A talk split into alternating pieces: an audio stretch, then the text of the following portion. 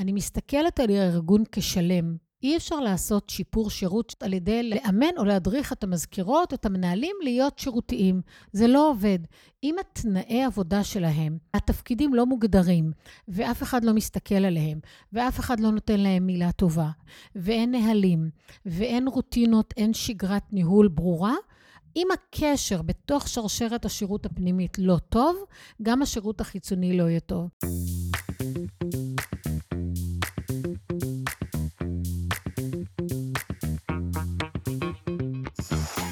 שלום לכולכם, וברוכים הבאים לפרק 33 של הפודקאסט למצוא את הפלוס.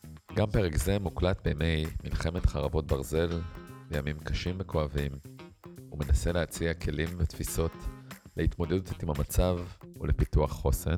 והיום בפרק אני שמח לארח את עירית דורטל. אהלן עירית. היי, איזה כיף להיות פה, תודה. עירית היא יועצת ארגונית ומנטורית בגישת הגשטלט, והיא הבעלים של דורטל איי-די יועצים מזה כ... מותר להגיד? כן, בטח. מזה כ-35 שנה.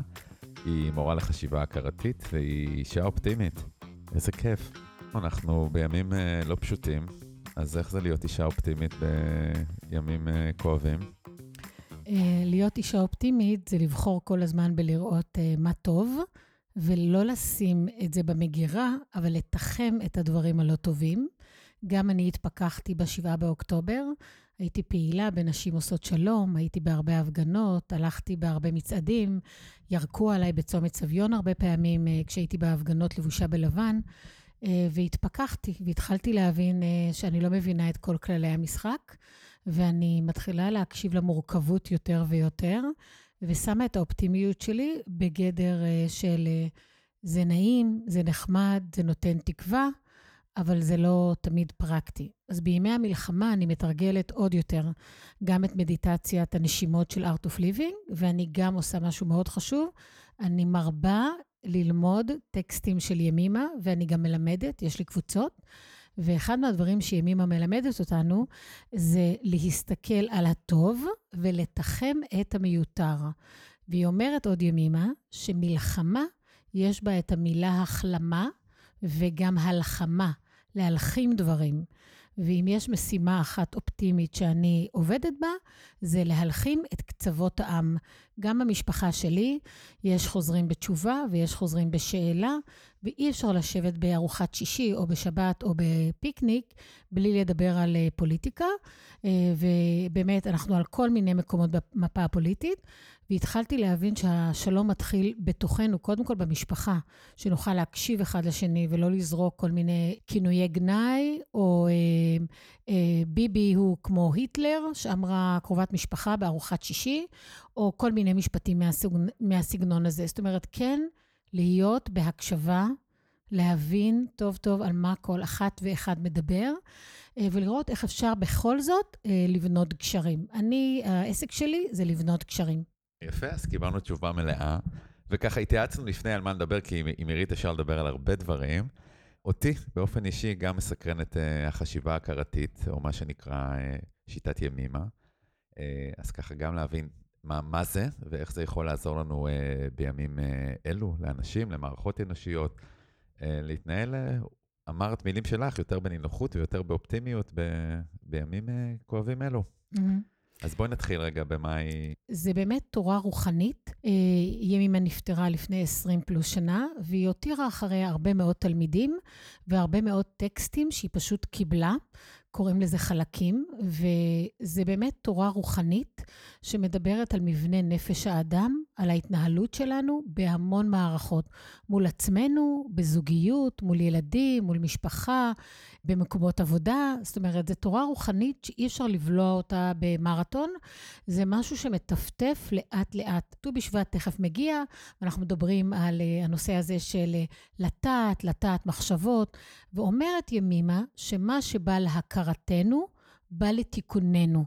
להכרה שווה מודעות, שווה מה שעלה כרגע. אז הדבר הראשון שאנחנו צריכים לעשות זה להסתכל על הטוב, להוקיר את הטוב ולתחם את המיותר. למשל, לפני כמה ימים עשיתי שיעור בעירייה מאוד מאוד גדולה, מנהל ההנדסה מונה שם הרבה מאוד נשים, ומהנדסת העיר החליטה לתת להם צ'ופר, עשרה שיעורי ימימה להתפתחות אישית כחלק מהעבודה שלהם.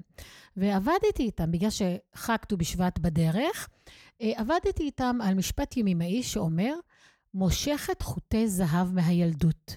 מה זה למשוך חוטי זהב מהילדות? לכל אחת מאיתנו יש איזשהו נרטיב, איזשהו סיפור, לא נתנו לי, כן נתנו לי, לא ראו אותי, כן ראו אותי, העבידו אותי, נה נה נה נה נה. רק מהשיחה הזאת, כשסיימנו את השיחה על המשפט הזה ונשים כתבו, ראינו שהדברים המובנים מאליהם, שנתנו לנו כסות ואוכל וסדר יום, ונתנו לי להיות אחראית, אני אמרתי בעצמי שאני זוכרת מחווה קטנה שכבתי בסלון יום שבת בצהריים, ואימא שלי עברה בשעת הסיאסטה, וראתה שאני בסלון. הייתי ילדה בת 10-11, ואני זוכרת את, את צמיחת הפיקה בצבע צהוב כתום כזה, ריבועים, שהיא לוקחת במחווה קטנה, מכסה אותי. הלמשוך חוטי זהב מהילדות עוזר לנו להיות קודם כל יותר uh, מאושרים, יותר שמחים עם עצמנו, וכמה שנאשים את הורינו, מה זה משנה בכלל? הם עשו את המקסימום שלהם, ולכן הם נתנו לנו את מה שהם יכולים. אז רגע, אני טיפה עוצר אותך, כי אמרנו טיפה-טיפה, כן, כן, ואני כן. ככה מרגיש את, אה, את כל הממטרה עליי. באהבה. אז אני רגע, ב, ב, שאני אוכל לעכל את זה. וככה מעניין אותי קודם כל איך הגעת לזה, נכון? את ככה עוסקת בעולם עסקי, יועצת ארגונית, ימימה, רוח, לא תמיד מתחבר ביחד. אז, אז קודם כל ספרי לי על המסע האישי שלך, איפה זה יתגלה, אחר כך נראה מה עושים מזה אה, במרחב הארגוני. המסע האישי שלי התחיל כשהתחלתי להיות יועצת ארגונית עצמאית. הייתי בת 29, 30, התחלתי את ה... אה, להיות יועצת ארגונית, מאוד רציתי לעבוד עם אנשים, מאוד רציתי להיות עצמאית כלכלית, אה, לא רציתי לעבור חוויית פיטורין שחוויתי לפני זה, ורציתי לפרנס את הילד שהיה לנו ואת המשכנתה שהייתה על הדירה הראשונה. ואני הרגשתי שזה לא מספיק ייעוץ ארגוני, מה שאני יודעת, והלכתי ללמוד הנחיית קבוצות דינמיות. שם התחיל המסע הרוחני שלי, שבעצם הבנתי שאת הרוב זה סמוי מהעין. כי בקבוצות של דינמיקה קבוצתית, זה לא מה נאמר, זה מתחת לפני הקרקע, זה ההשלכה, זה כל המנגנונים האפשריים, והתחלתי לראות שיש לי בעצם שליחות בעולם הזה. אני מאוד מאוד דייקתי בגיל צעיר יחסית, את מה הייעוד שלי ומה השליחות שלי. לחבר בין אנשים, לחבר אנשים לתוך עצמם, לדייק אותם. וזה המילים שדיברתי, והרבה מאוד אנשים שאלו אותי, תגידי, את לומדת ימימה? והסתכלתי עליהם, אמרתי להם, מה זה ימימה? וזה היה מין כזה, חמש-שש שנים שאנשים שאלו אותי אם אני לומדת ימימה, והיה עוד קטע לפני ימימה.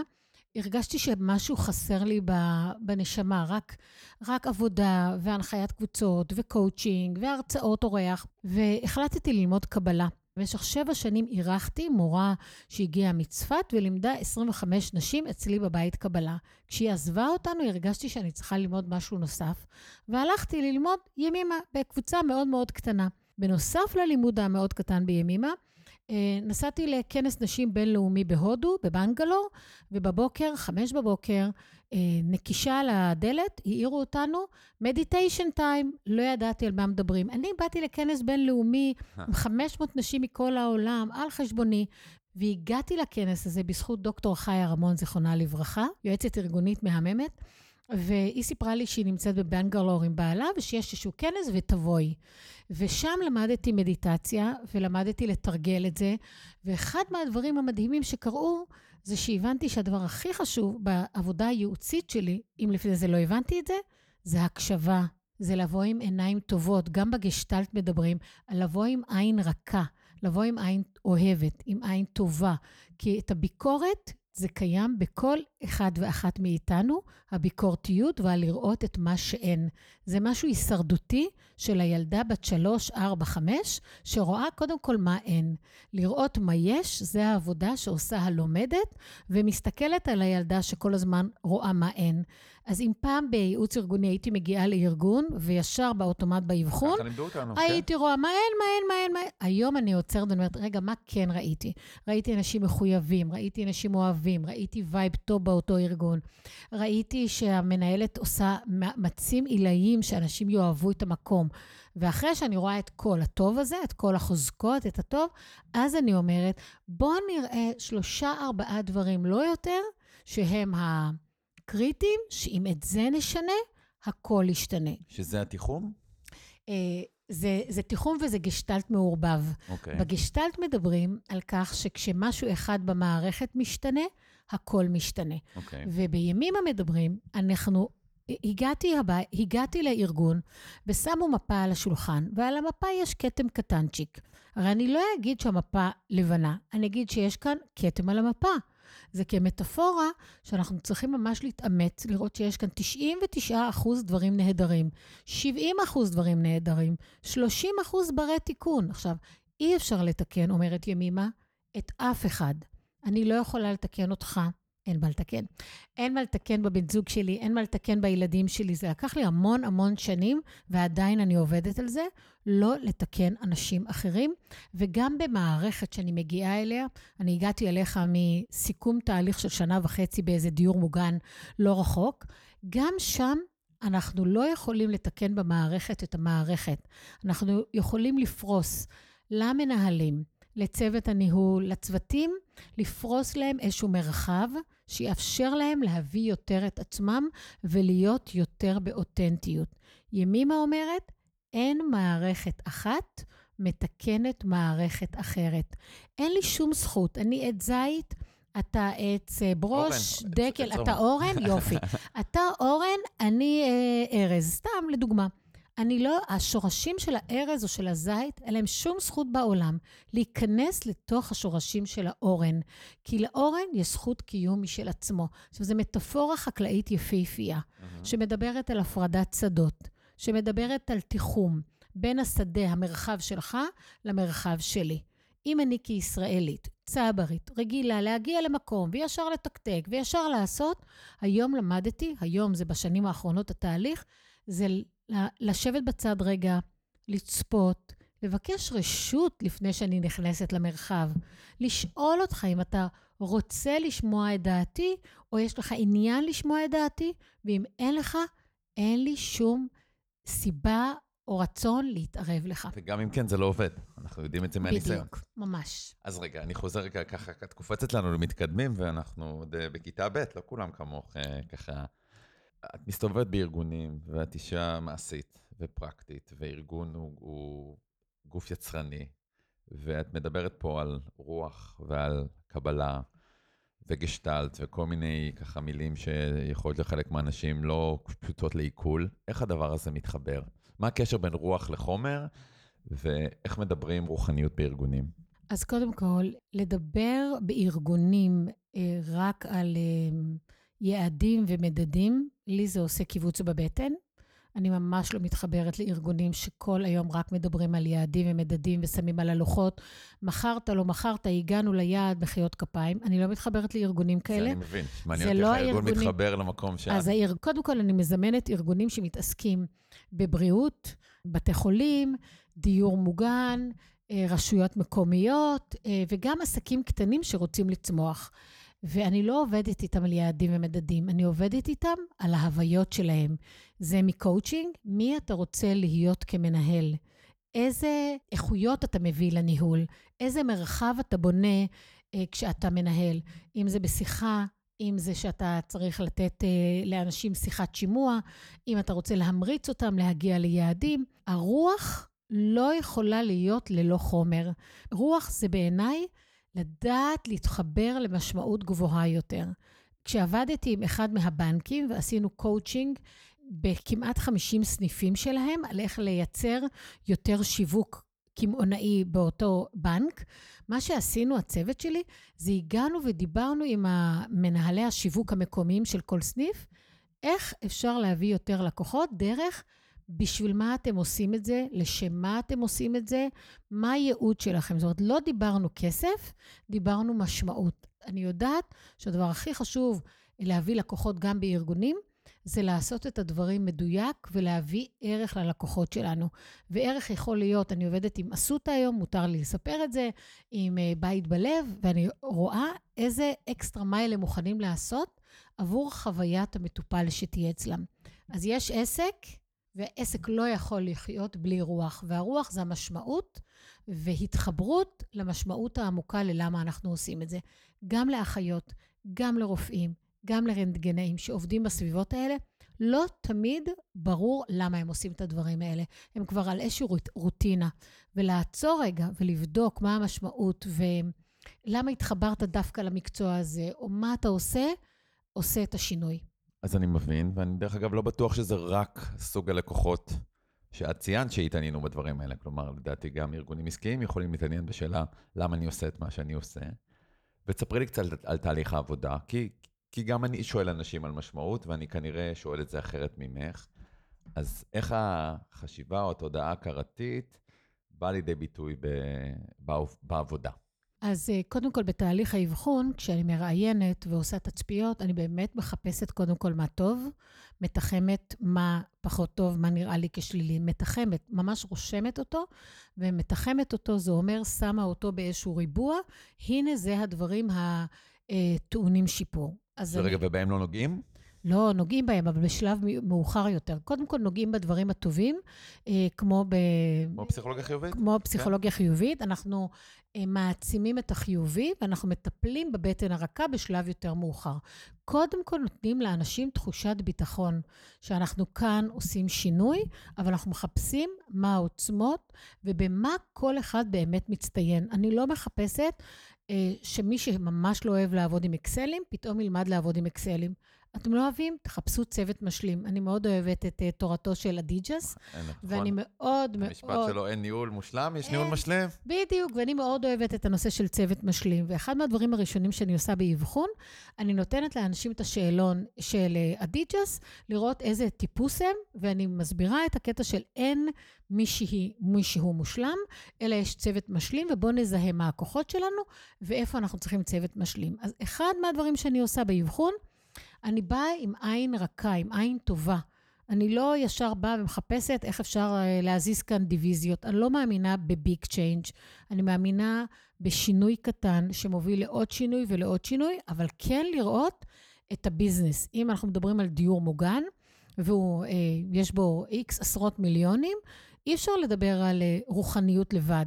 אנחנו רואים את האנשים, רואים את הדיירים, רואים את המטופלים, אבל גם רואים את המספרים.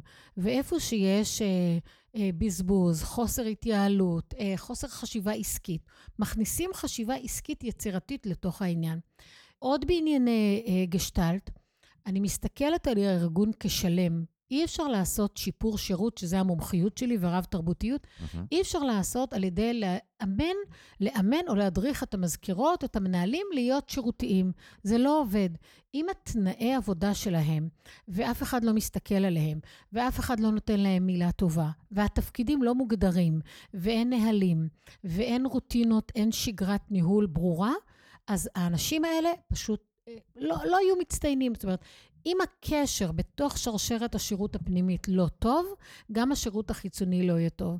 יש מודל מאוד ישן, שאני מאוד אוהבת אותו, נקרא מודל יהלום הבייסבול, שבכדי שהכדור הזה יגיע לראונד שלם במשחק האמריקאי, okay. אוקיי. צריכים להיות מספר בסיסים שעובדים.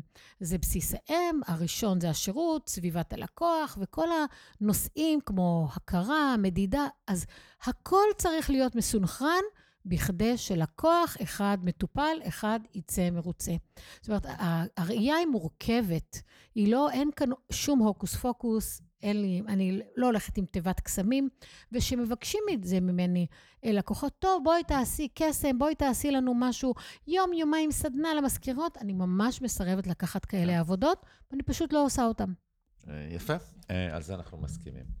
ואני ככה מחפש איתך אה, לדייק את המהות של החשיבה ההכרתית, כי ככה את מביאה באמת גם ניסיון וגם גשטלט והרבה מאוד דברים שאת כבר עושה, ואני מנסה לזקק מה הכרתי בעשייה הזאת.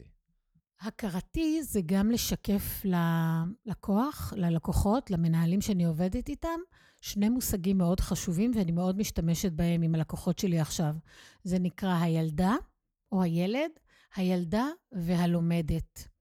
הילדה זה אותה חלק בתוכי, שהוא אה, הישרדותי, אה, והוא היה חסר אונים בגיל ארבע, והוא לא קיבל את כל מה שהוא צריך בגיל ארבע, החלק הילדותי הזה, והחלק הלומדת... רגע, הילדה, אבל גם יש את הילדה השמחה והרוקדת של גיל ארבע. ו... לגמרי, לגמרי. אבל הילדה בחשיבה הכרתית, זו אותה ילדה שהיא נידי, שהיא מאוד רוצה מקום, שהיא מתרוצצת. למשל, יש לי לקוחה שהיא אה, היפראקטיבית, ש... כאילו, הכינוי הפופוליסטי זה היפראקטיבית, לא מפסיקה לעשות מבוקר עד ערב. ואחת מהתובנות שישבתי איתה בארבע עיניים, דיברתי איתה על זה שהיא נראית לי כמו ילדה שמתרוצצת ומחפשת אישור על העשייה שלה, על המקום שלה בעולם הזה. Okay. אוקיי. היא עיניה המהממות נפקחו, נפערו, והיא אמרה, את מבינה, אני הייתי בגיל ארבע, עולה חדשה, טה-טה-טה-טה-טם, הייתי מאוד זרה במקום שעליתי אליו בישראל וכולי וכולי, ופתאום ההכרה הזאת, המודעות הזאת, שזו ילדה קטנה שעדיין מתרוצצת ומחפשת מקום, מחפשת אישור על הקיום שלה, אה, הרגיעה. איך היא אמרה? אני לוקחת עכשיו כל דבר as is, אני הרגעתי, אני הורדתי מהלך. לעצמי אני שמה לב. Mm-hmm. האם אני יושבת ב, בישיבה ואומרת בשביל להישמע ולפרוטוקול, ובכלל, שאני אצדיק את קיומי, אני יועצת ארגונית, אני לא אמורה לשתוק בישיבת דירקטוריון שהזמינו אותי, הם מצפים בטח לשמוע ממני משהו. היום אני יכולה לשבת בישיבת דירקטוריון, אה, כי הדירקטוריון הזמין אותי ללוות אותם בתהליך שלהם, ואני לא חייבת להגיד כלום. אה, ימימה אומרת, אומרת את דברה ונחה, משהו goes in, goes out, כאילו משהו קצר ולעניין, ולהגיד בתמצות את הדברים הרבה יותר קשה מאשר להגיד דברים ארוכים.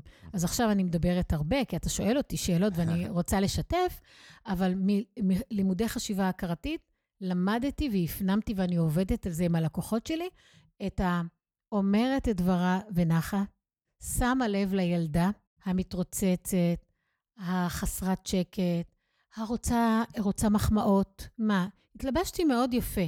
אורן, לא אמרת לי, וואי, איזה ז'קט כתום מדליק יש לך היום. בשביל הפרוטוקול, רק יאמר שאני החמאתי לך שהגעת. יפה, אבל זה בשביל הקטע, שאם ציפיתי שתגיד לי איזה יופי, והייתי במודעות לזה באותו רגע, זאת אומרת שהייתי בערנות. חלק מהזמן אנחנו לא בערנות. אבל אם שמתי לב שיש לי איזו משאלה שאתה תגיד לי מחמאה, או היום סיימתי מצגת בשעה עשרה לארבע, ובארגון אמרו לנו תודה, אבל לא נתנו לנו איזה סימבול של closure. אני הבאתי להם מתנה של closure. כאילו, משאלה זה משאלה ילדותית, זה לא של הבוגרת, זה של הילדה. ומותר רק להתבונן על זה. מידת רוחק זה אומר לעשות קצת zoom out לעניין ולהסתכל על ההתרחשות. ואפשר גם לדבר אותה, כלומר, לא מתוך מקום ילדי, אבל ככה לשתף בחוויה שאורן, אני התלבשתי ככה מאוד יפה היום, ולכבודך. והיה משמח אותי אם היית רואה את הדבר הזה ואומר משהו. א', לא הרגשתי את זה, אבל נגיד okay. אוקיי. אם הייתי אומרת לך, אורן, אתה יודע, התלבשתי יפה לכבוד הרעיון, זה אומר שאני עדיין נמצאת שם בילדה שצריכה שיראו אותה. עכשיו, אני אגיד משהו טוב על אימא שלי, היא מעולם לא נתנה לי מחמאות. אימא שלי, המרוקאית, זיכרונה לברכה, באמת לא אמרה לי מחמאות. לא אמרה לי שאני יפה, או שאני מתלבשת יפה. נהפוך הוא, היה לה טענות שיש לי שיער לא יפה, זה טלטלים, זה לא יפה, לכי להסתפר כל הזמן. אבל היא לימדה אותי לאט-לאט בכלל לא להתחשב במה אומרים האחרים. רק להקשיב לעצמי פנימה ולשאול את עצמי, זה מתאים לי? לא מתאים לי. אני אוהבת את זה? לא אוהבת את זה. וככה אני עושה גם עם uh, לקוחות שלי. אני שואלת אותם, מה מדויק ומתאים לך, לכם, ספציפית. עכשיו, זה צריך להתאים לארגון בסוף.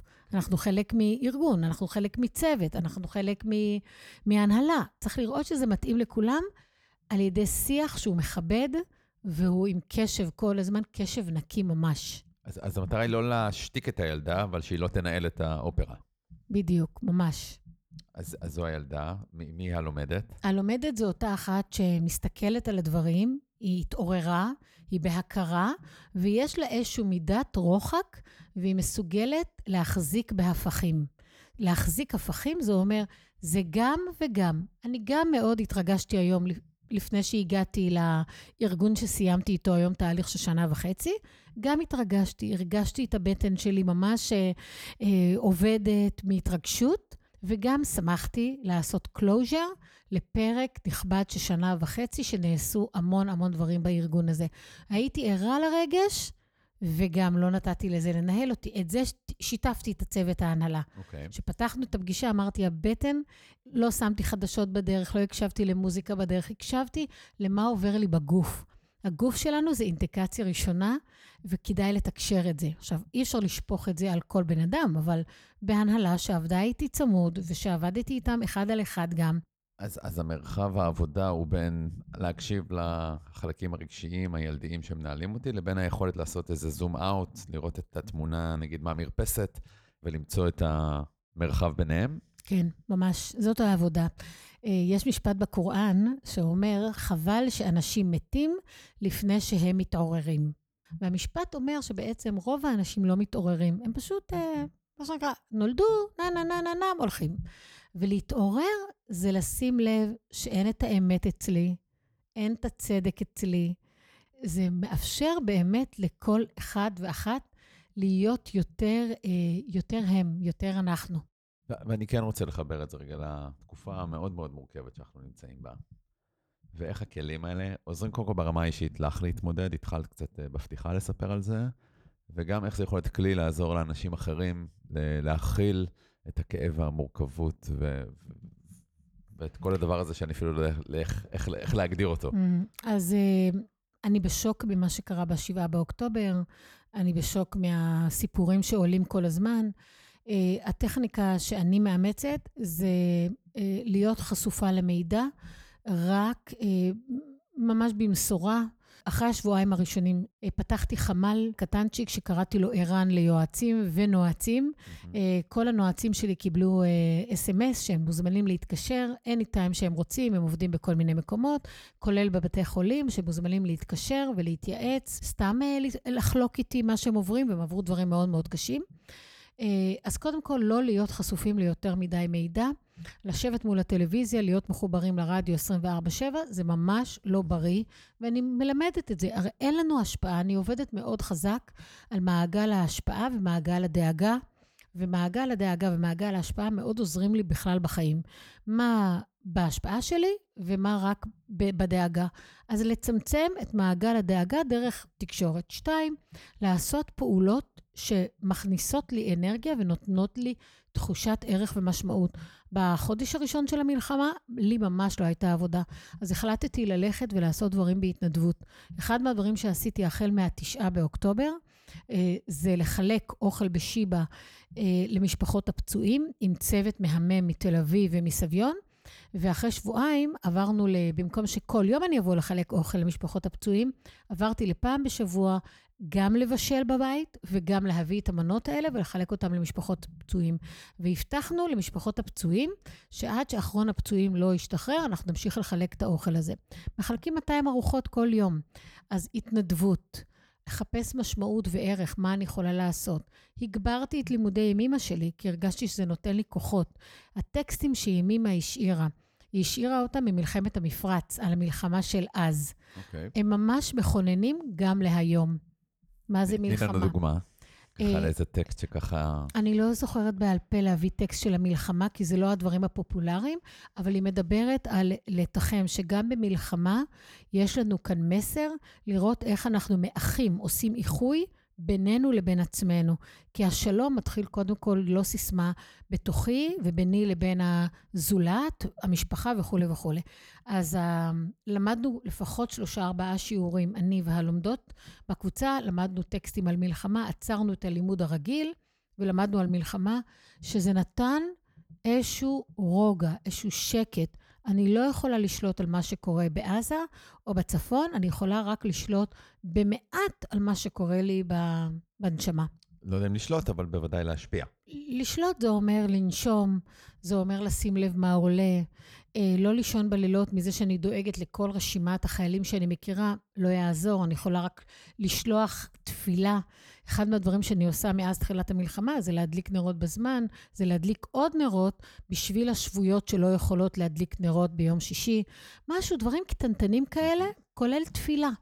הרוח שיכולה לעזור לנו זה תפילה, זה משאלה, זה שירה, אני שרה במקהלה, דברים שממלאים אותי ונותנים לי את הכוחות. אחרת, אם כולנו נהיה בדיכאון, זה לא ממש יעזור. זה בוודאי. אנחנו, אני, אני ככה יודע שהחשיבה הכרתית נלמדת דרך טקסטים, ציינת פה לא מעט את הטקסטים, ומעניין אותי ככה ב, ב, בשיעור ראשון, אם היום היינו פותחים קורס אה, אה, חשיבה הכרתית ארגונית, מה היה ככה תחילת הדרך, או הטקסט, מה, מה בראשית של... אה, אז uh, בשביל להיכנס ללימוד יש ארבע הכנות, בין עשרה ל-12 מפגשים, והכנה א' מדברת, ראשית הלימוד זה לראות מה טוב, ואז לראות מה מיותר. ומה זה המיותר? נקרא העומס. לומדים את מושג העומס בצורה מאוד מאוד מאוד מפורטת, אבל אני אסביר מה זה עומס. עומס זה שאנחנו מתערבבים בין הילדה ללומדת. עומס זה שאנחנו מתערבבים בין הטוב למיותר. העומס בא מהילדות, והכל יושב על זה שערבבתי בין הילדה ללומדת ובין הטוב למיותר. תני לי דוגמה. למשל, מישהי אמרה לי השבוע, אני מאוד בעומס, יש לי המון המון משימות. אמרתי לה, אוקיי, בואי תרשמי אותן. אוקיי. האם הכל בשליטתך? האם את חייבת לעשות את כל המשימות האלה, היא מנהלת? האם את חייבת לעשות את כל הדברים האלה? או יש משהו מהדברים האלה שאת יכולה להאציל סמכויות למישהו בארגון? כאילו, למה okay. היא אוקיי. לוקחת את, על עצמה את הכל? עומס זה לא רק שהיא לוקחת על עצמה, שהיא גם האחראית, היא גם בעלת הסמכות, והיא לא סומכת על אף אחד. עכשיו, כש... דנו על למה היא לא סומכת על אנשים, היא אמרה כי הם אכזבו אותה המון פעמים. והלכנו עוד טיפה לעומק, מי עוד אכזב אותה? והיא אמרה, בלי שאני אכוון, היא לא יודעת מה זה ימימה, היא אמרה, ההורים שלי אף פעם לא הגיעו לקחת אותי לגן בזמן. הנה, משהו קטן. הילדה שמנהלת אותה. הילדה שמנהלת אותה. משהו קטן על עומס. עכשיו, עומס זה באמת להתבונן איך אני לוקחת הרבה מאוד תפקידים, כי אני רוצה מקום, כי אני רוצה שייתנו לי מחמאות, כי אני רוצה שימחאו לי כפיים. יש אנשים שרודפים אחרי הכסף כל הזמן, ויש להם מלא מלא כסף. אני שואלת הרבה פעמים את אחותי, תגידי, מה עושים אנשים שמרוויחים המון כסף בחודש, 100 אלף שקל נטו, או 200 אלף שקל, ומקבלים אקזיטים? אני, אין לי מושג מה עושים כל כך הרבה כסף. אז היא אמרה לי, אחותי, השבוע, הם פשוט חיים ברמת חיים יותר גבוהה, הם קונים יותר נדל"ן, ובסוף הם הולכים לחופשה ודגים דגים באותה חכה. עכשיו, באמת, הרעיון הוא ליהנות ממה שיש, ובלימוד הזה לומדים לראות איך אפשר ליהנות ממשפט אחד קטן או שניים, ואיכשהו אה, להפריד את, ה, את האטרף הזה שאנחנו נמצאים בו כל הזמן. עניתי לך?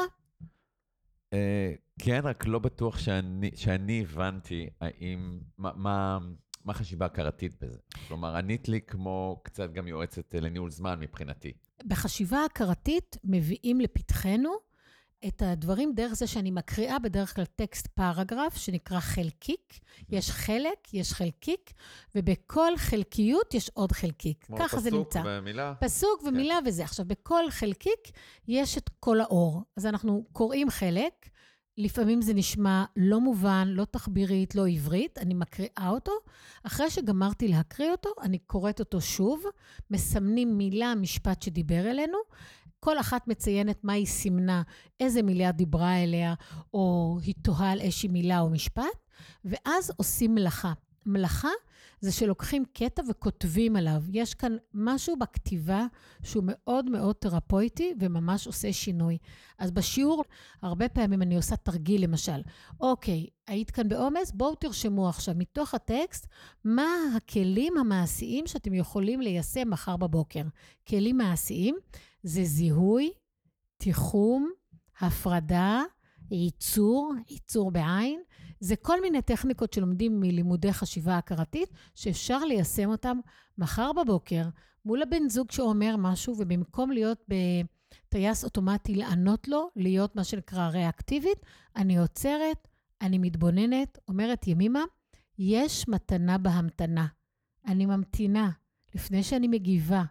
אני חושבת עד 100, עד 10. אני מבינה שאם אני אענה בשלוף, אני אחטא אני אעשה כאן נזק ליחסים בינינו. בן זוגי אמר לי משהו, זה תמיד לוחץ על אותו כפתור. טוב, אז אני ילדה דחויה, אתה לא רוצה אותי בחוליה שלך לטיול בכיתה ד', ואני שמה לב, אתה נוסע ואתה חוזר, זה לא כי אתה לא רוצה להיות איתי, כי יש לך את הביזנס שלך, יש לך את המרחב שלך בחיים. אז לעצור, להמתין, זה משהו שלוקחים מאוד חזק מהלימודים, וגם בארגונים מיישמים את זה היום. איך זה משפיע בבית שאת uh, דוברת את השפה הזאת? אה, אני מרגישה שאני לא מלמדת את השפה הזאת למשפחה שלי בכלל. אני פשוט לאט-לאט מפנימה ומשתדלת ומנסה להיות יותר את זה, מהמם. להיות יותר מודעת מה, מה מנהל אותי, מה הדליק אותי, מה גורם לי לתגובה כזאת או אחרת. אז במקום להתלונן קבוע על למה הוא עובד עד מאוחר, עד 12-1 בלילה במשרדו הביתי, או למה, המילה למה היא בכלל לא טובה, אבל למה אתה נוסע, חוזר כל הזמן לחו"ל ללא חזור בגלל עבודתו, בשביל, בזכות עבודתו, אז מה שאני עושה, אני לומדת שזה באמת לא הביזנס שלי, מה הוא עושה. אני צריכה רק לבקש מה מתאים לי במרחב של שנינו ביחד. מתאים לי שנבלה השבת. מתאים לי, מתאים לך, שנלך את שביל ישראל. הקטע הוא לא להיות בדרישה ולא להיות בטענות, לבוא מהמקום.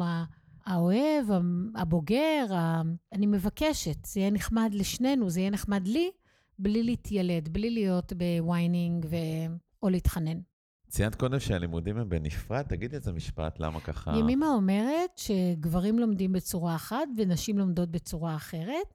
אה, אני לא למדתי אף פעם עם גבר, גברים ימימה, אבל את הקורס הנחיה שהיה במשך שנה, אחד מהמורים, אחד מהמורות היה מורה, הרב מיכי יוספי, והיה פשוט חוויה ללמוד איתו, וגם הוא אמר שיש לו קבוצות של לומדים, וזה גברים לבד. מהמם. איכשהו אנחנו לומדים אחרת. אז אני מלמדת רק וזה נשים. נכון גם ב-2024? אה, לא יודעת, אני הולכת כרגע רק על פי מה שנתנו לי, ומה שאני למדתי בקורס הנחיה זה לומדים נשים. השיח הוא כל כך עדין והוא כל כך מקבל, שזה מדהים. הן אומרות, הן מחכות אה, ליום רביעי הבא כבר מהרגע שהם יצאו. זה משהו שנותן אה, מים מתוקים לאט-לאט בטפטוף. וככה, פתחנו בזה שאת אה, אופטימית, ו- ואני ככה מנסה להתבונן איתך קדימה, ולעזור לנו, אה, וגם למאזינים, למצוא איזה עוגן בהסתכלות קדימה, גם ברמה הארגונית, באופן שבו ארגונים מתנהלים, גם שם לא פשוט, בלי קשר למצב בחוץ, וגם ברמה הלאומית, ומשהו מתוך הלימוד שיכול לעזור לי כרגע, לתת לי תקווה, לטעת בי תקווה. אז אה, בלי תקווה אין אופציה בעיניי, ואחרי הקטסטרופות הכי גדולות שקרו בעולם באלפיים שנה האחרונות, אה, הייתה צמיחה. אה, מהשואה קרתה צמיחה, תקומת ישראל. אנחנו שייכים, אנחנו שייכים בקהילות שלנו. אחד מהדברים שאני הכי הייתי רוצה לחזק זה תחושת השייכות ותחושת הקהילתיות. יש אה, גם בארגונים, גם במקומות שאנחנו גרים בהם.